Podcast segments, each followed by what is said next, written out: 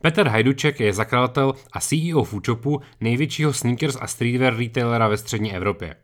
Povídali jsme si hlavně o tom, jak koronavirus ovlivnil aktuální dění na trhu a změnil plány Foodshopu na letošní rok a zároveň jsme zkusili odhadnout, co vše to bude znamenat do budoucna.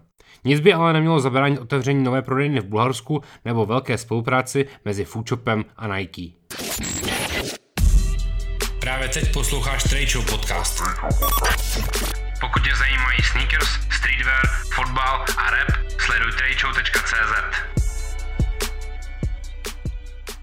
Čau, moje jméno je Radim Steska a ty právě teď posloucháš nový díl Trade Show. Mým dnešním hostem je CEO Foodshopu Petr Hajduček. Čau Peti. Čau Radim. Jak se máš, jak prožíváš koronavirus šílenství a jak eh, se ti daří být doma? Ďakujem pekne za opýtanie. Je to veľmi intenzívne obdobie. Samozrejme sme mali aj ťažké diskusie vo firme, aj ťažké rozhodnutia. Ja si to beriem pomerne citlivo k sebe. Máme za sebou roky super rýchleho rastu a, a, a prvýkrát prišla nejaká, nejaká zákrota, tak sme museli si interne uvedomiť, čo to pre nás znamená. Ale už teraz po pár týždňoch, odkedy to vypuklo, tak uh, mám pocit, že sme to zvládli skvele, že, že sme veľmi uh, stabilizovaní a že fungujeme ďalej. Naopak nám to vlastne pomohlo niektoré projekty uh, eskalovať a, a vlastne rýchlejšie zexekuovať než, než predtým. A tak nejak to ukázalo, že veci, o ktorých dlho diskutujeme, môžeme vlastne zrazu spraviť, lebo, lebo nie je až toľko času na, na diskusiu a snažiť sa mať koncenzus všetkých ľudí. Takže pracovne sa mám dobre, mám za sebou toto obdobie a teším sa na to, že sa pomaly vraciame do kanclov a, a že zase budeme pozerať viac, viac dopredu, než na prítomnosť. No a súkromne sa mám skvelé, mám nového psíka, bývam s priateľkou, nedávno začala motorková sezóna, takže je to super. Ty jsi vlastně minulý rok si kupoval uh, motorku? Áno, áno. Ja som už pár rokov jazdil na skútri po Prahe a vždy som kľúčkoval medzi auta a zastavil vpredu na kryžovatke a vedľa mňa zastala nejaká parádna motorka a počul som ten zvuk a, a videl som tú rýchlosť a nejak ma to stále viac a viac lákalo. A minulý rok už som neodolal a kúpil som si ju tiež. Jsi takový ten typ jezdce, co jezdí pomalu po těch okreskách a užívá si jako ten moment toho, jak se jako projíždíš, nebo jako uh, si chceš užít jako rychlost a kličkování mezi těma automa na dálnici a tak? Ešte vôbec nejazdím mimo mesta. Ja vlastne to mám ako veľmi funkčnú vec a každý deň na nej jazdím do práce. A je to jedna z motivácií, prečo som už celý minulý týždeň chodil do kanclu a vlastne mám rád ten pocit tej uh, efektivity a toho, že, uh, že obehnem vlastne tie uh, zápchy a, a že všade zaparkujem a rýchlo sa zaradím. A iba jeden rok som mal uh, auto v Prahe a myslím si, že na, na tej motorke je to tak neskutočne ako efektívne, že tá najväčšia radosť pre mňa je vlastne ten pocit úspory času a toho, že som že jsem spravil nějaký lifehack vlastně. Prosím tě, vzpomeneš si na moment, kdy česká vláda vyhlásila, že budou zavřeny všechny kamenné prodejny? Jak se cítil? Časy třeba ten moment vybavu, že to bylo nějaký jako velmi noční jednání vlády. Já jsem se o tom dozvěděl, o tady tom zákazu, no, o tom, o tom zavření všech prodejen někdy v sobotu v 6 ráno, když jsem stával a byl jsem úplně jako v šoku. Jak si to vybavuješ ty? Pamätám si to, pamätám si to a mm, v podstate tak nejak už som mal pocit, že to, že to prichádza. Už, sme, už sa to začalo stále viac objavovať v médiách. A v podstate hneď som zvolal uh, manažerský meeting, takže sme si dali taký ad hoc uh, vlastne video call s, s manažermi všetkými a povedali sme si, OK, toto sa deje, veríme, že je to kríza, že to nie je len uh, nejaká ako ľahká prehánka, a že to môže znamenať nejaké aj ťažké rozhodnutia, aj ťažké zmeny. A vlastne sme nič v ten moment ešte nevedeli, ale bol to taký formálny výkop toho, je, je tu koronavírus a, a pre tú firmu to niečo znamená, tak sa poďme všetci mobilizovať a pripraviť sa na to, že bude potrebné robiť veci mimo plánu, ktorý sme si predtým veľmi poctivo nastavili na celý tento rok. Mm. A jak, vás, jak se vás teda vlastně celý ten koronavirus dotknul, krom zavřených prodejen? Zkusme jako popsat, co všechno to jako v posledních týdnech znamenalo, co všechno jste museli změnit, co všechno jste udělali pro to, aby se to v úvozovkách přežili. My sme, my sme tento rok plánovali asi 30-percentný rast a, a momentálne sme niekde na číslach cca podobných ako minulý rok, a aj s tými zavretými predajňami. Takže v online zažívame nejaký rast, ktorý pokrýva, pokrýva tie zatvorené obchody, ale tie plány boli o mnoho ambicioznejšie. A, a tak sme museli niektoré projekty odsunúť. A napríklad sme mali v pláne tento rok otvoriť obchod v Sofii. To momentálne v podstate sme odsunuli na, na začiatok budúceho roka, pretože nie je možné tam ani cestovať, ani nevieme, aká tá situácia bude. Chceme počkať, až sa ten retail vráti do normálu, aby sme videli, vôbec, jak, jak sa ten svet zmenil. No? Každý hovorí o tom, že ľudia budú nakupovať iba online, tak vlastne chceme počkať, e, do akej miery toto bude pravda, aby sme si vyhodnotili, či vlastne tá Sofia stále dáva zmysel v tomto novom svete. Ale veríme, že áno, len, e, len proste chceme, chceme trošku opatrne počkať. A museli sme rušiť predobjednávky. Pardon. My sme samozrejme naobjednávali produkty, ako to vieš, 6 mesiacov vopred a mali sme naplánovaný teda ten 30-percentný rast, ktorý sme znížili.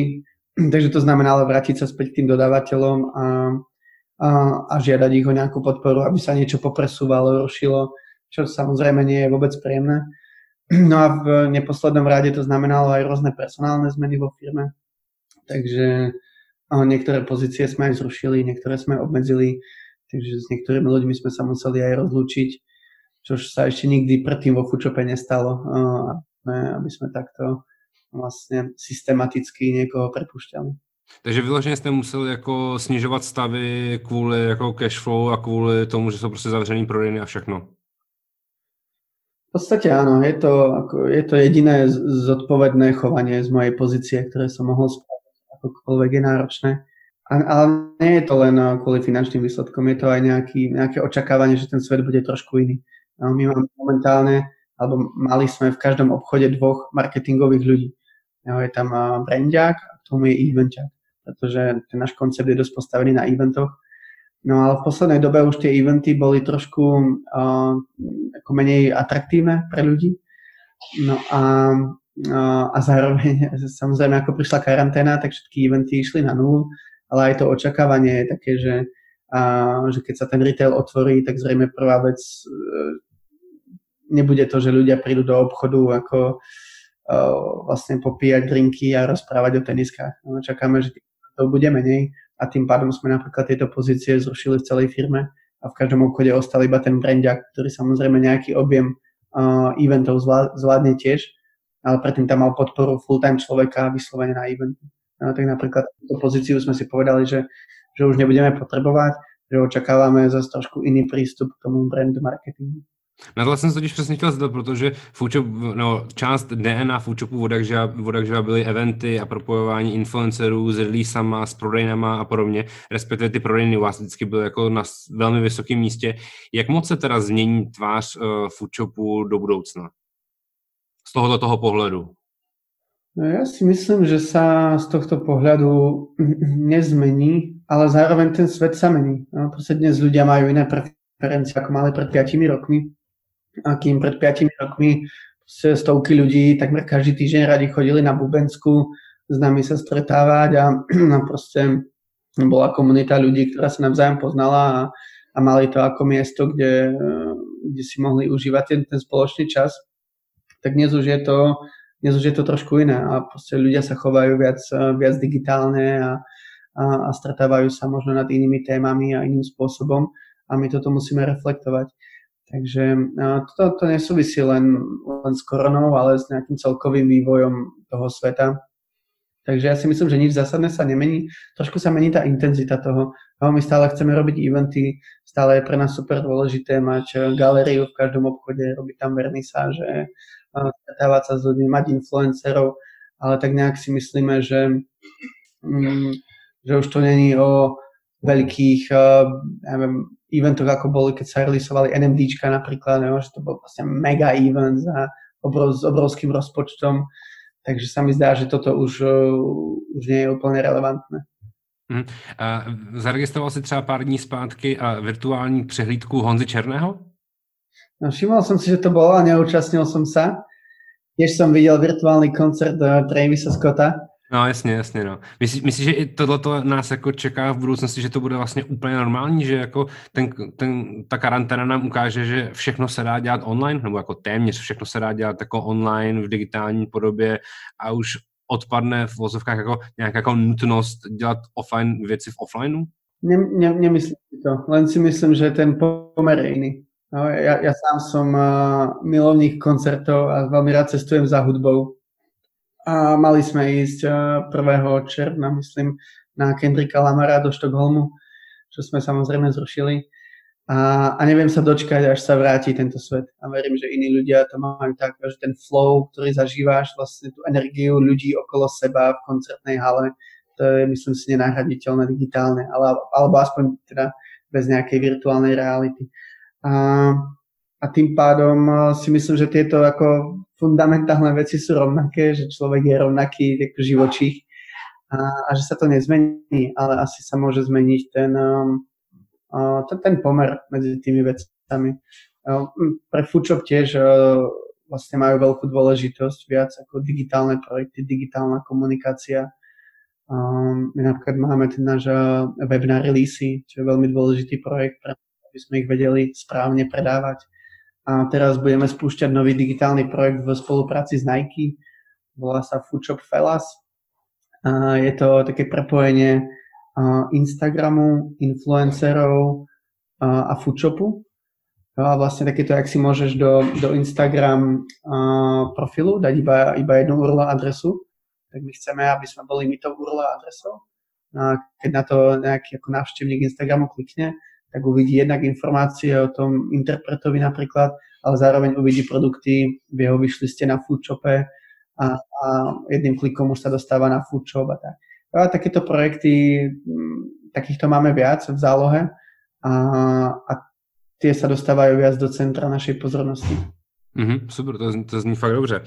Jsou nějaký pozit, vyloženě pozitivní věci, které si z toho jako firma berete? Jako našli jste díky koronaviru a díky karanténě ob, obecně nějaký věci, ze kterých jste si řekli, tohle to by nám vlastně jako pomohlo, ať už jsou třeba jako videokonference, že už jako lidi nemusí jezdit mezi centrálou, Budapeští, Bratislavou a podobně. A co, co, co všechno jste si vzali třeba jako toho pozitivního? Jo, určite je niekoľko takýchto oblastí.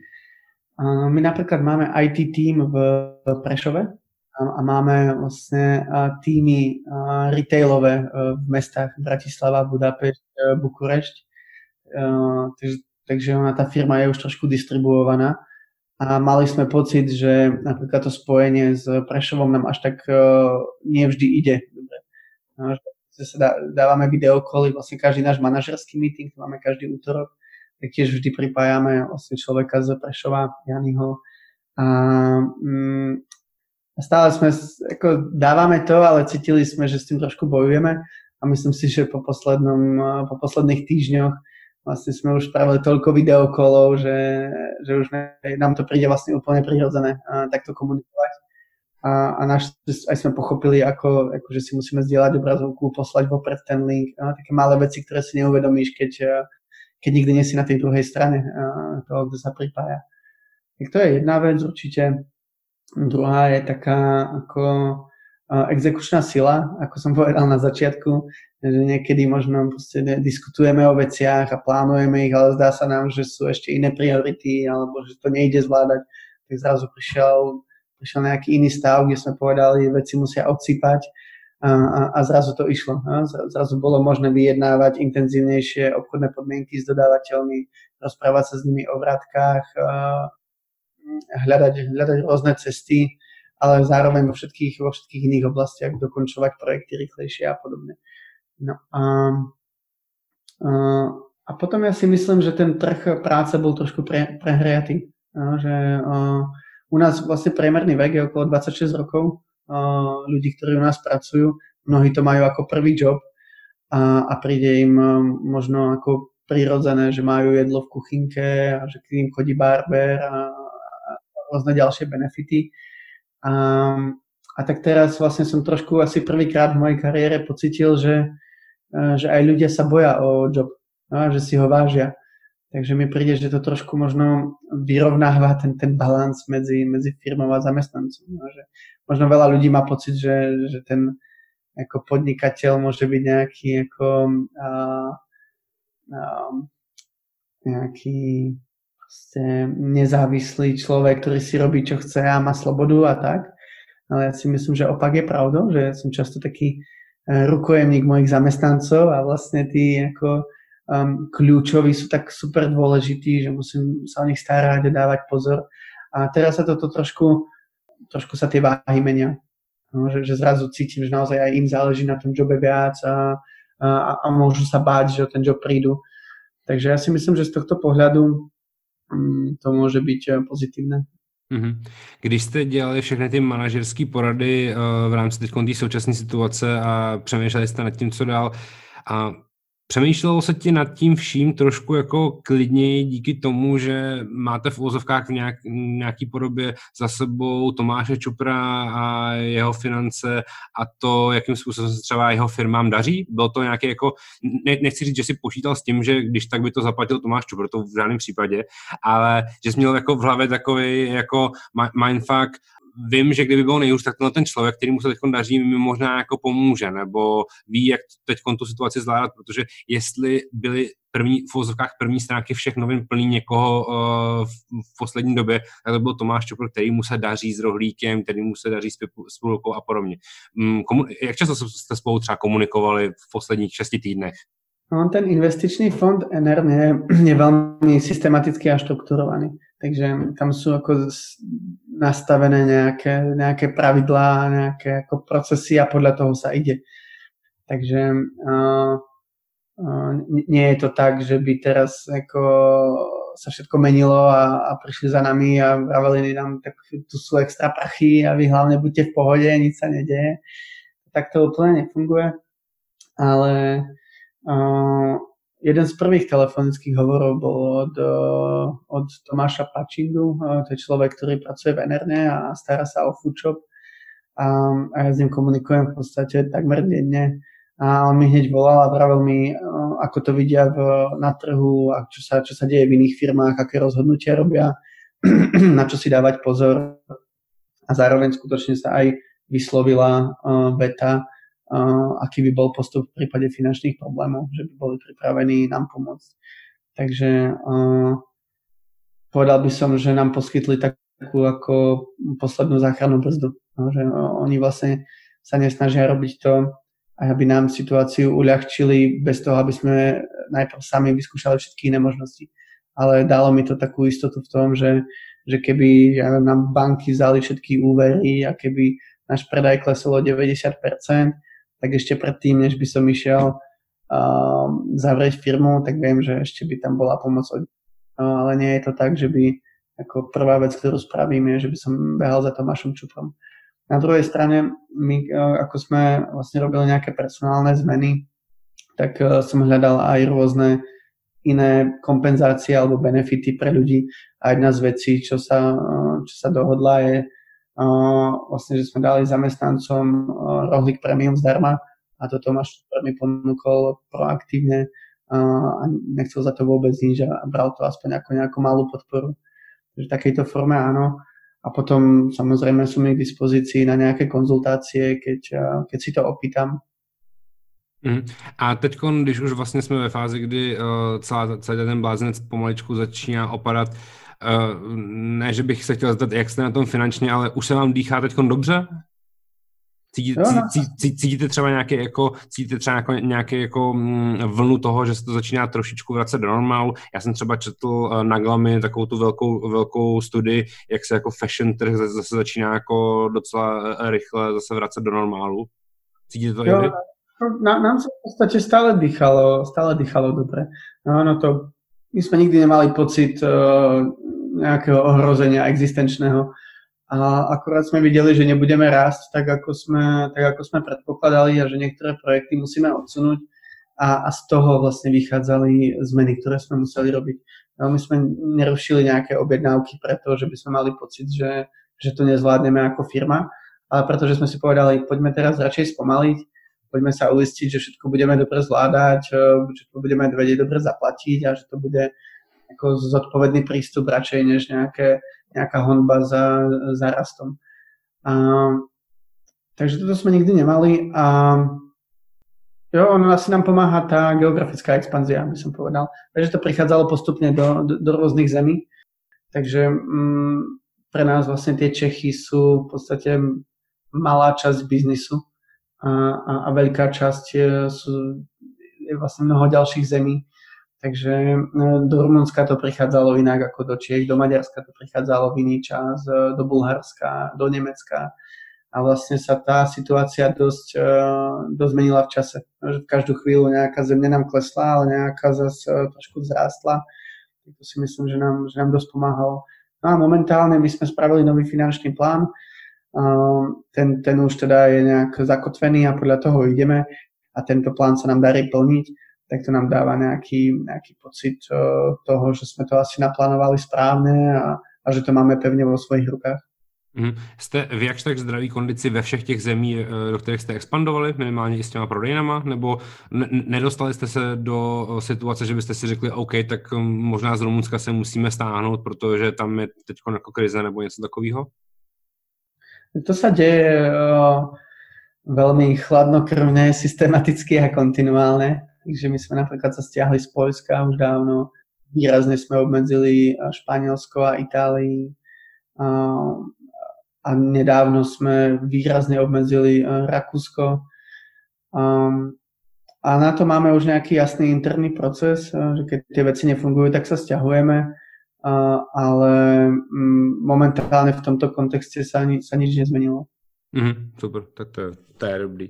A zajímalo mě, když jsme se bavili o nějakém jako výhledu do budoucna, myslíš, že, myslíš, že teď ta zkušenost pomůže třeba velkým značkám v tom ještě víc rozvíjet ten svůj jako direct channel prodej a jak si myslíš, že jak bude vypadat třeba budoucnost eh, velkých offlineových řetězců typu Footlocker, Size a podobně. To znamená jako obchodů, které jsou z 80% závislí jako na tom retailu, který jako dostal teď obrovskou ránu. A, a kde tady v tom jako kontextu velikánský hráči a jejich vlastní e-shopy, velikánský hráči s obrovskou sítí kamenných prodejen, tak kde se tam vlastně jako vidíte vy, vidíte vy, že teď je jako vaše chvíle zaujmout nějaký pozice, nebo můžete třeba nahradit jako v úzovkách ty footlockery a ty jako tady ty místa?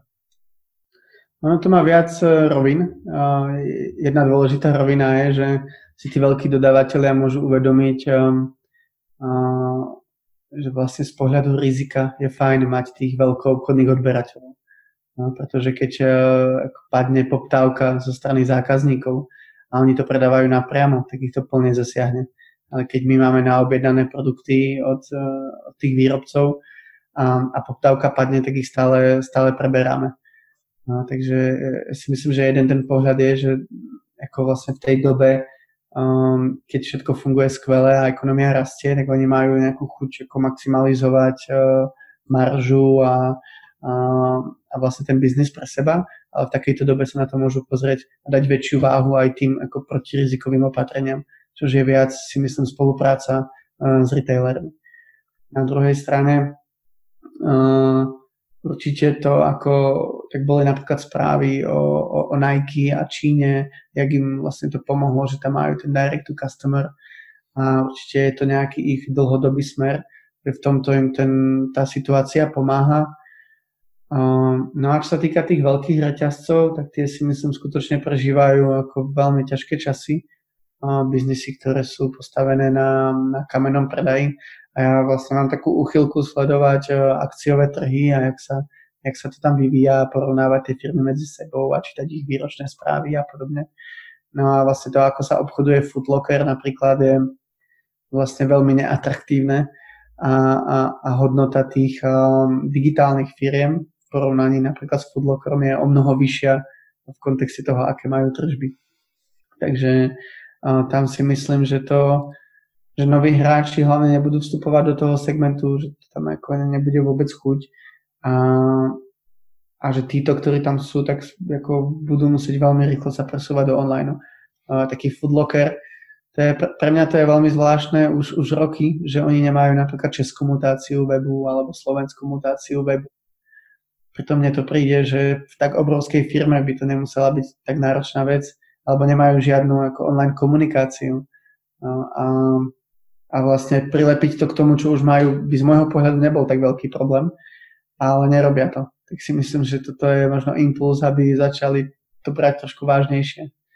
A potom, čo sa ešte deje, je taká nemilá vec, že ten, ten trh sa trošku čistí. No. Ja, ja vidím niekoľko firiem, ktoré sú vo veľkých problémoch a mne sa dostalo na stôl niekoľko nabídek na, na prevzatie nejakých firiem v našom segmente a sú to aj firmy, ktoré určite aj ty by si považoval za legendárne a poznáš ich, poznáš ich dlhú dobu a tak vlastne zistili, že to sú nejaké dinosaury, ktoré už v dnešnom, v dnešnom svete úplne sa nevedia adaptovať. Takže si myslím, že v tomto kontexte sa, sa veci menia. No, ale opäť, nemyslím si, že to je len tým, že sa na chvíľu zavreli obchody. Je to len um, uh, eskalácia toho, kam ten svet už smeroval aj bez toho. Mm-hmm. To si přesně říkám, že jako myslím si, že spousta podnikatelů obecně využila koronavirus a karanténu k tomu, že najednou vyhlásili bankrot, ale a, a využili to jako použití nějakého důvodu nebo jako uh, zamaskování toho, co už jako prožívali posledních 6, 8, 12 měsíců a teď jenom využili toho, že pro ně má aspoň někdo trošku nějaký slitování.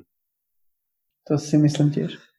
Jak, jak, jsem, jak jsem mluvil o těch, o těch nabídkách, týká se to právě jako třeba obchodníků, kteří byli závislí na kamenných prodejnách, nebo je to přesně i to, že i, i když dělali digitál, tak ho dělali natolik špatně, že ta situace současná je prostě jako smetla, jako všechny ostatní. Ja nemôžem nejak komentovať konkrétne, ale jedna z tých situácií je obchod, ktorý alebo retailer, ktorý začínal s kamenným biznisom a dlho bol v kameni a potom pochopil, že, že má robiť e-shop a, a posledné roky už ten e-shop mal o mnoho väčšiu váhu ako, ako kamenný biznis, ale stále to DNA firmy bolo vlastne z toho kameňa no, a z tej módy. A ono to ne, ako úplne nefunguje tak, že máš celý biznis ako, ako fashion retail a k tomu zamestnáš jedného ako e-commerce manažera a, a to je to riešenie. Jo? To sa musí úplne zmeniť to DNA. Foodshop je data-driven, IT-driven, my to máme úplne ako naše DNA, že sme, že sme online a to je to, z čoho to vzniklo a, a to je úplne iné ako, ako ľudia, ktorí možno 20 rokov ako milujú tú culture a, a sú známi v tom a, a, a milujú to a sú zberatelia, ale proste už, uh, už nestíhajú s tou dobou.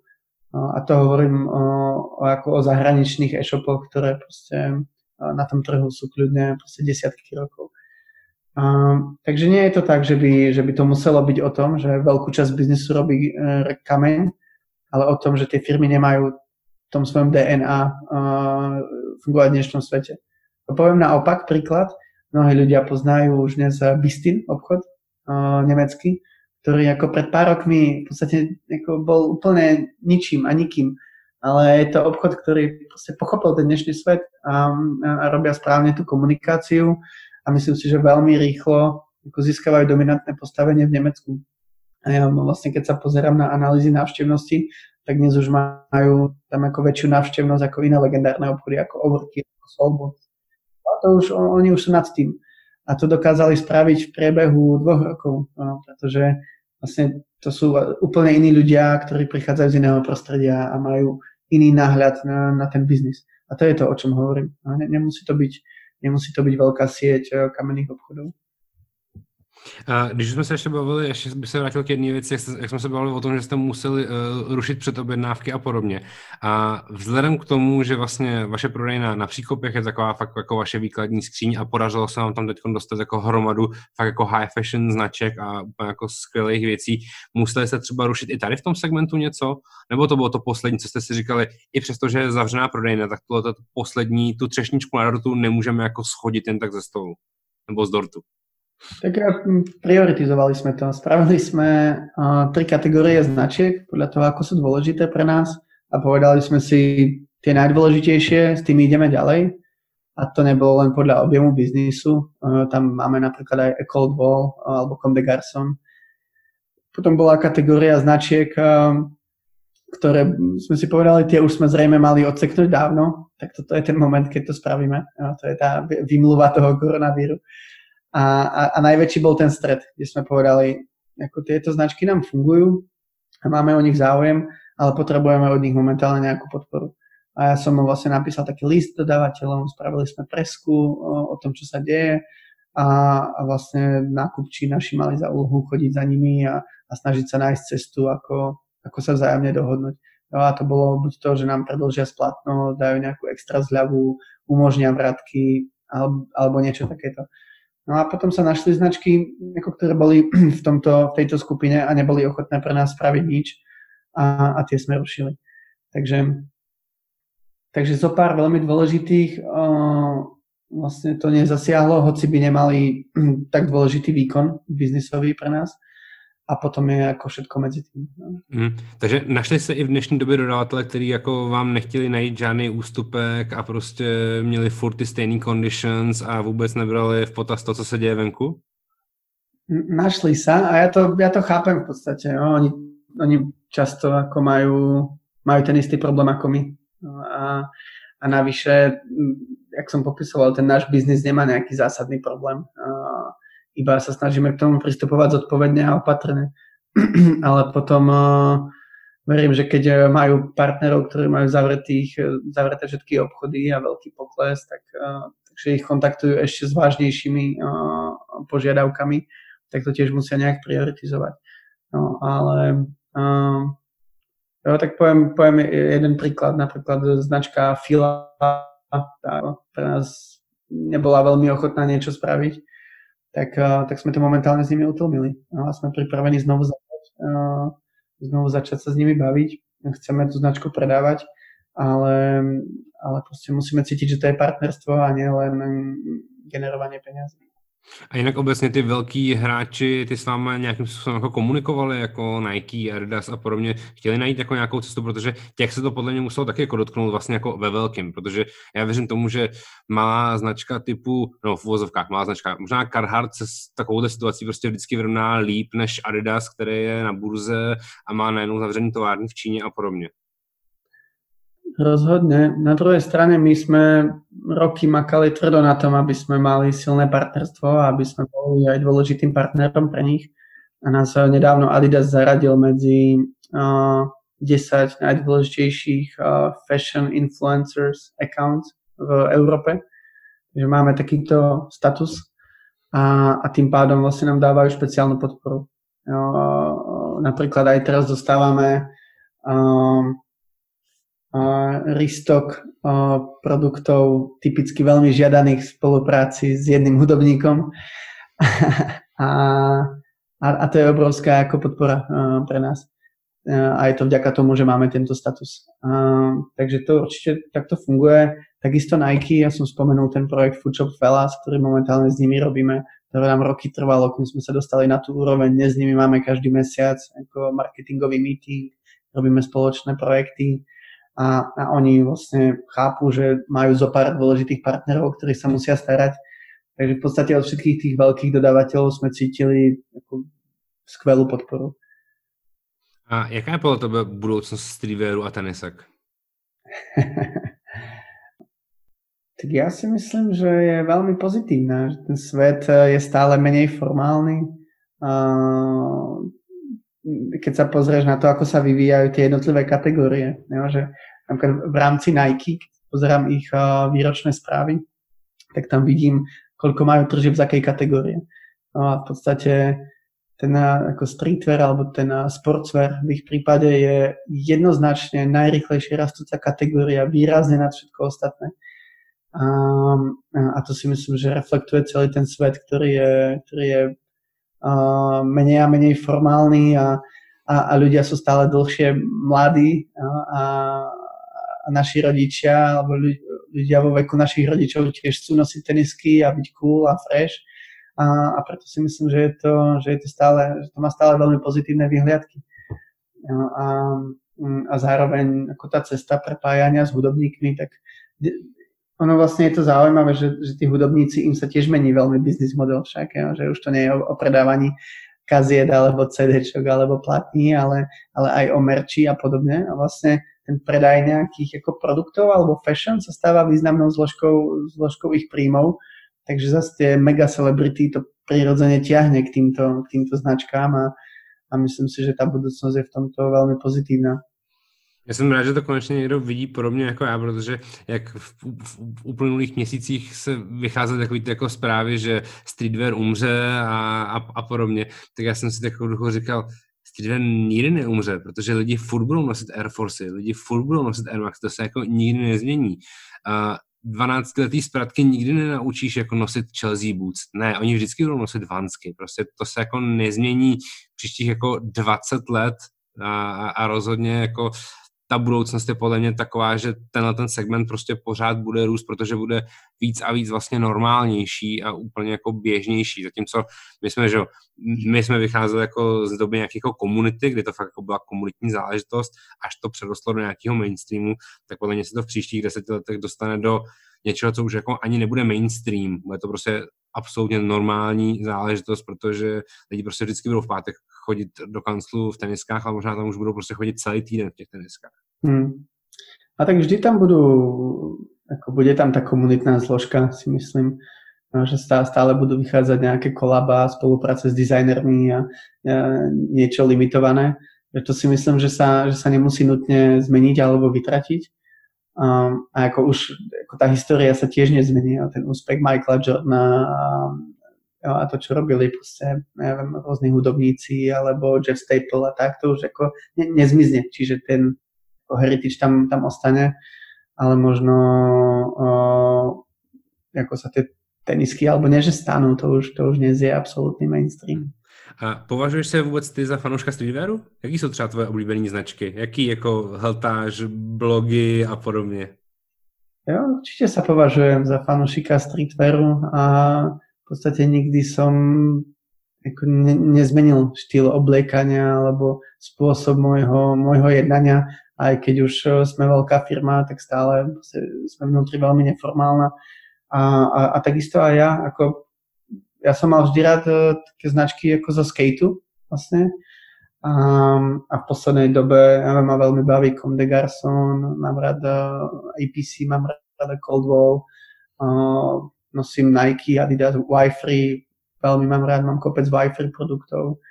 Uh, potom mám takmer všetky Fučo produkty samozrejme. A, takže rozhodne, rozhodne som fanúšik streetwearu a v podstate ako ja vôbec nenosím nejaké, nejaké formálne oblečenie, niečo takéto. Čo sa týka blogov a podobne, tak jo, každý týždeň som na High Beast, High Snobiety, ale priznám sa, že to nie je úplne nezištné. No, že sa tam aj pozerám na tie trendy, ale, ale vlastne to robím s radosťou, no, že ten, ten biznis alebo tá ťažká práca prebieha v tých pracovných dňoch od rána do večera a potom ako cez víkend alebo po večeroch si ja, pozriem Hypebeast, High Snobiety, Sneaker News a, a, a je to pre mňa také ako napol práca, napol hobby. A ja to mám takto so všetkým. Ja napríklad uh, uh, vlastne cestujem vždy tak polopracovne. Ja vlastne idem na služobku a ja si ju predložím o pár dní a, a namiesto toho, aby som išiel pozrieť, neviem, kostoly alebo nejaké hrady alebo iné budovy, tak idem pozrieť sneaker store a idem tam, pretože sa z toho môžem nejak inšpirovať, ale zároveň je to to, čo ma ako úprimne najviac zaujíma a láka navštíviť v tom meste. Takže rozhodne sa považujem za fanúšika streetwearu. Já to stejně, vždycky, než abych si z nějakého uh, města odvezl nějaký jako klasický swim, tak já jsem třeba si jednu dobu vždycky kupoval trička z nějakých jako lokálních obchodů, že přes Barcelony jsem si odvezl tričko 23 kLTS a z, z Kodaně jsem si odvezl tričko Lefix a podobně, protože to jsou pro mě ty jako vzpomínky, protože já v těch městech hledám ten styl, to, co mám rád a nepotřebuji mít uh, jenom magnetky na lednici, který si samozřejmě kupujeme jako taky, ale vždycky si jako rád přivezu i ty jako artefakty toho, jak jako lokální scény, protože to lokální mě vždycky baví ze všeho nejvíc. Ja si to tak uh, obhajujem prácou, vieš, že si kúpim uh, drahú vec. Uh, nedávno som si v Bukurešti kúpil off-white kalhoty drahé a som si povedal, no ale to je dôležité, ak my chceme raz prevať off-white, tak ja musím mať tú skúsenosť. mm-hmm, jasne, přesne to je. Hele, je něco, co si z karantény odnášíš ty jako člověk? Něco, co tě jako změnilo, krom toho, že víš, že můžeš spoustu meetingů vyřešit přes počítač? No, tak asi jako na, najväčšia skúsenosť, alebo ten, ten najväčší, uh, to najväčšie ponaučenie pre mňa je to komunikačné. Uh, dnes už vo, vo firme vlastne je veľmi dôležité, ako komunikujeme a že, a že veci sú nastavené férovo a vysvetlené a podobne. A nie je to moja najsilnejšia stránka, ako domysleť, ako na to pozerajú všetci ľudia a, a jak to vlastne podať tak, aby to všetkým dávalo zmysel. A, a to je to moje najväčšie ponaučenie. A dávať pozor na, na komunikáciu, nepanikáriť, premysleť si to, domysleť to a, a byť veľmi ako k dispozícii všetkým ľuďom a byť transparentný a, a rozprávať o tých veciach, čo je to, čo sa ako veľmi snažím posledné týždne. A, a, a myslím si, že to je, že to je obrovská, obrovská škola pre mňa ako z pohľadu manažmentu. Vlastne ono nikomu nevadí v podstate, že ja viem, napríklad sa ako zniží niekomu úvezok alebo sa zniží dočasne niekomu mzda, tí ľudia to chápu, ale potrebujú vlastne vidieť tú stranu A aj tú stranu B, celý ten princíp a, a nikto vlastne v tej firme nerobí nejaké rozhodnutia s cieľom ako niekomu poškodiť alebo robiť niečo neférovo alebo niekomu nadržiavať. A, ale, ale niekedy s tou komunikáciou to tak môže vyznieť. Takže vlastne také uvedomenie, že, že už sme taký ako ma, malý štátik, kde je proste diplomácia, kde sú vzťahy a, a že musíme dávať pozor na to, ako si veci hovoríme a, a že sú veci férové a, a že proste ľudia chápu jednu aj druhú stranu tej veci. To je pre mňa si myslím taká veľká, veľká životná skúsenosť, ktorá, ktorá mi už ostane aj na, aj na ďalšie roky a na potenciálne ďalšie náročné situácie. Jenom malinkatý kontext. Uh, kolik je vlastně dneska ve Fučopu lidí? Okolo 200.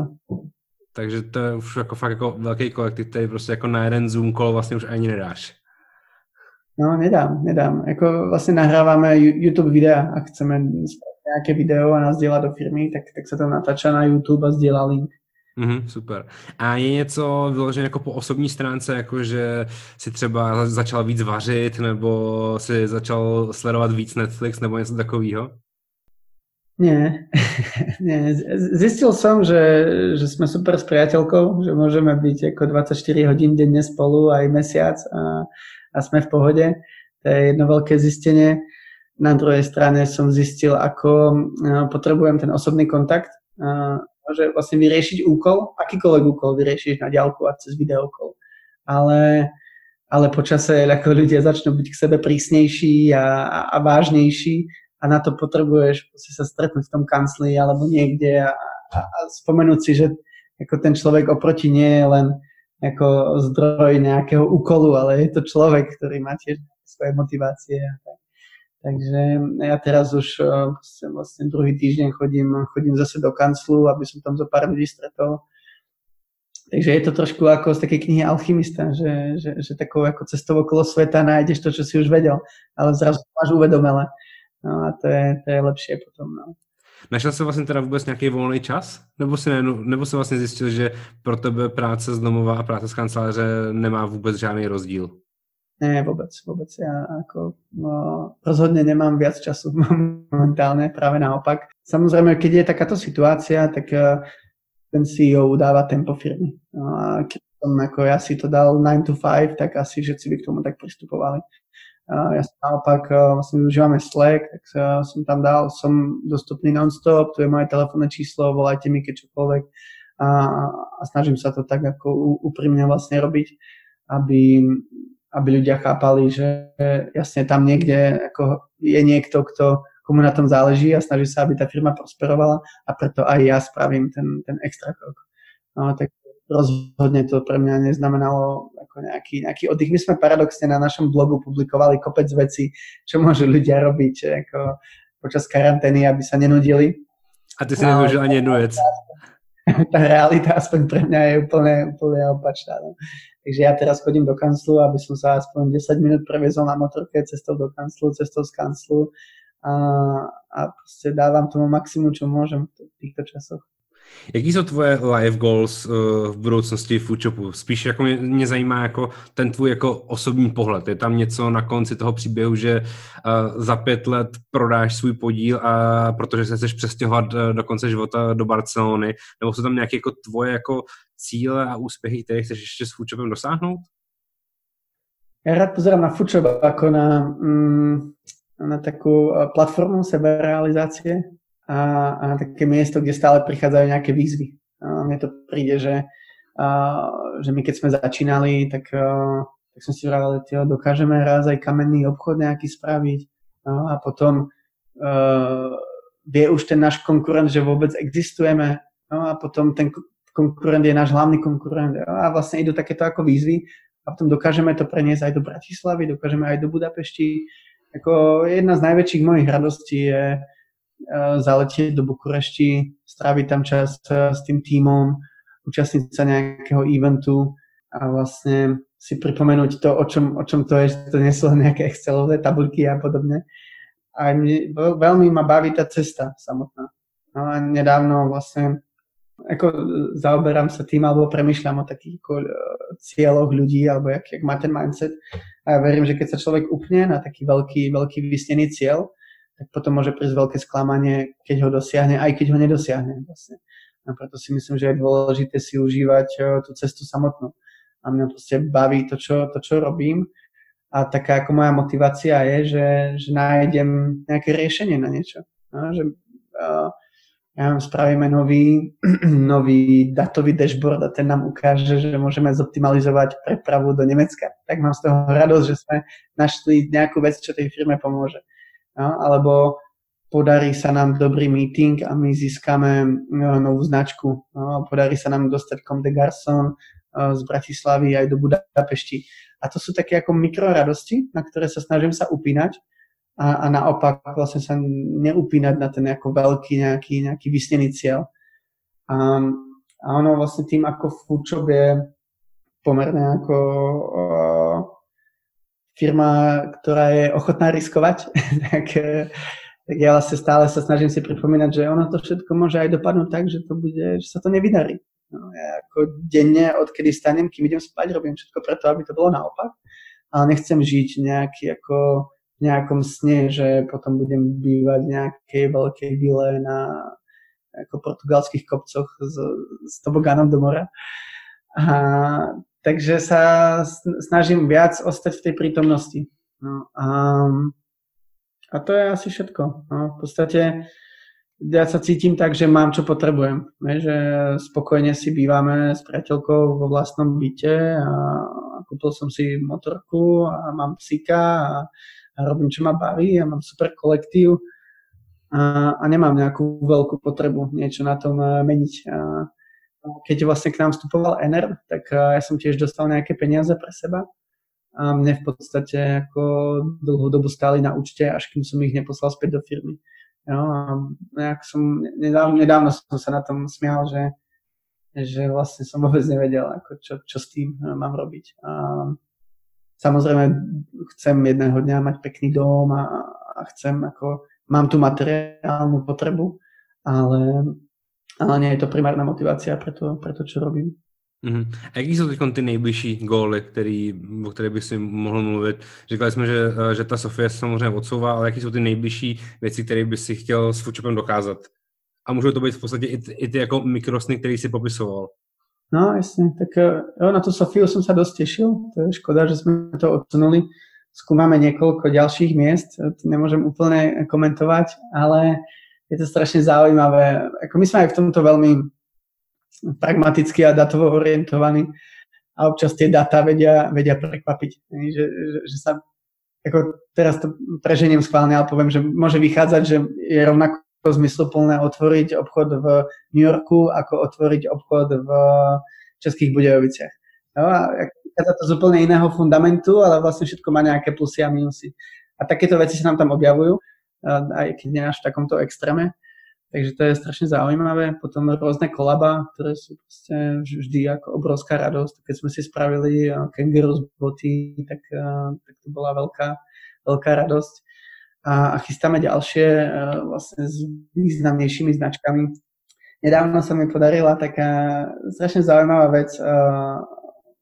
Pán, ktorý vlastní značku Columbia, vlastne šiel na nejakú túr po Európe. On už 50 rokov sa, sa stará o ten brand. Ono to založila vlastne jeho mamina. A, mm, no a tento človek sa so mnou stretol v Prahe, keď bol a, a malo to byť ako krátke stretnutie a ja som im pripravil takú presku o sebe a nakoniec vznikla úplne super diskusia a, a, a kecali sme a zobral som ich do obchodov a bolo to super. A on ma potom pozval, aby som na druhý deň s ním letel uh, do Paríža s jeho private jetom. Tak, uh, tak som zobral priateľku a letel som s ním a s jeho zo pár kolegami do Paríža. Um, no a tak sme ešte rozprávali v lietadle a on mi daroval biografiu jeho mamy. No a to je ako, to je človek, ktorý proste ja neviem, sa pozná s Phil Knight a takýmito ľuďmi, vlastne z Portlandu. A, a tak uh, on tam bol ešte s celým ako top managementom uh, celosvetovým.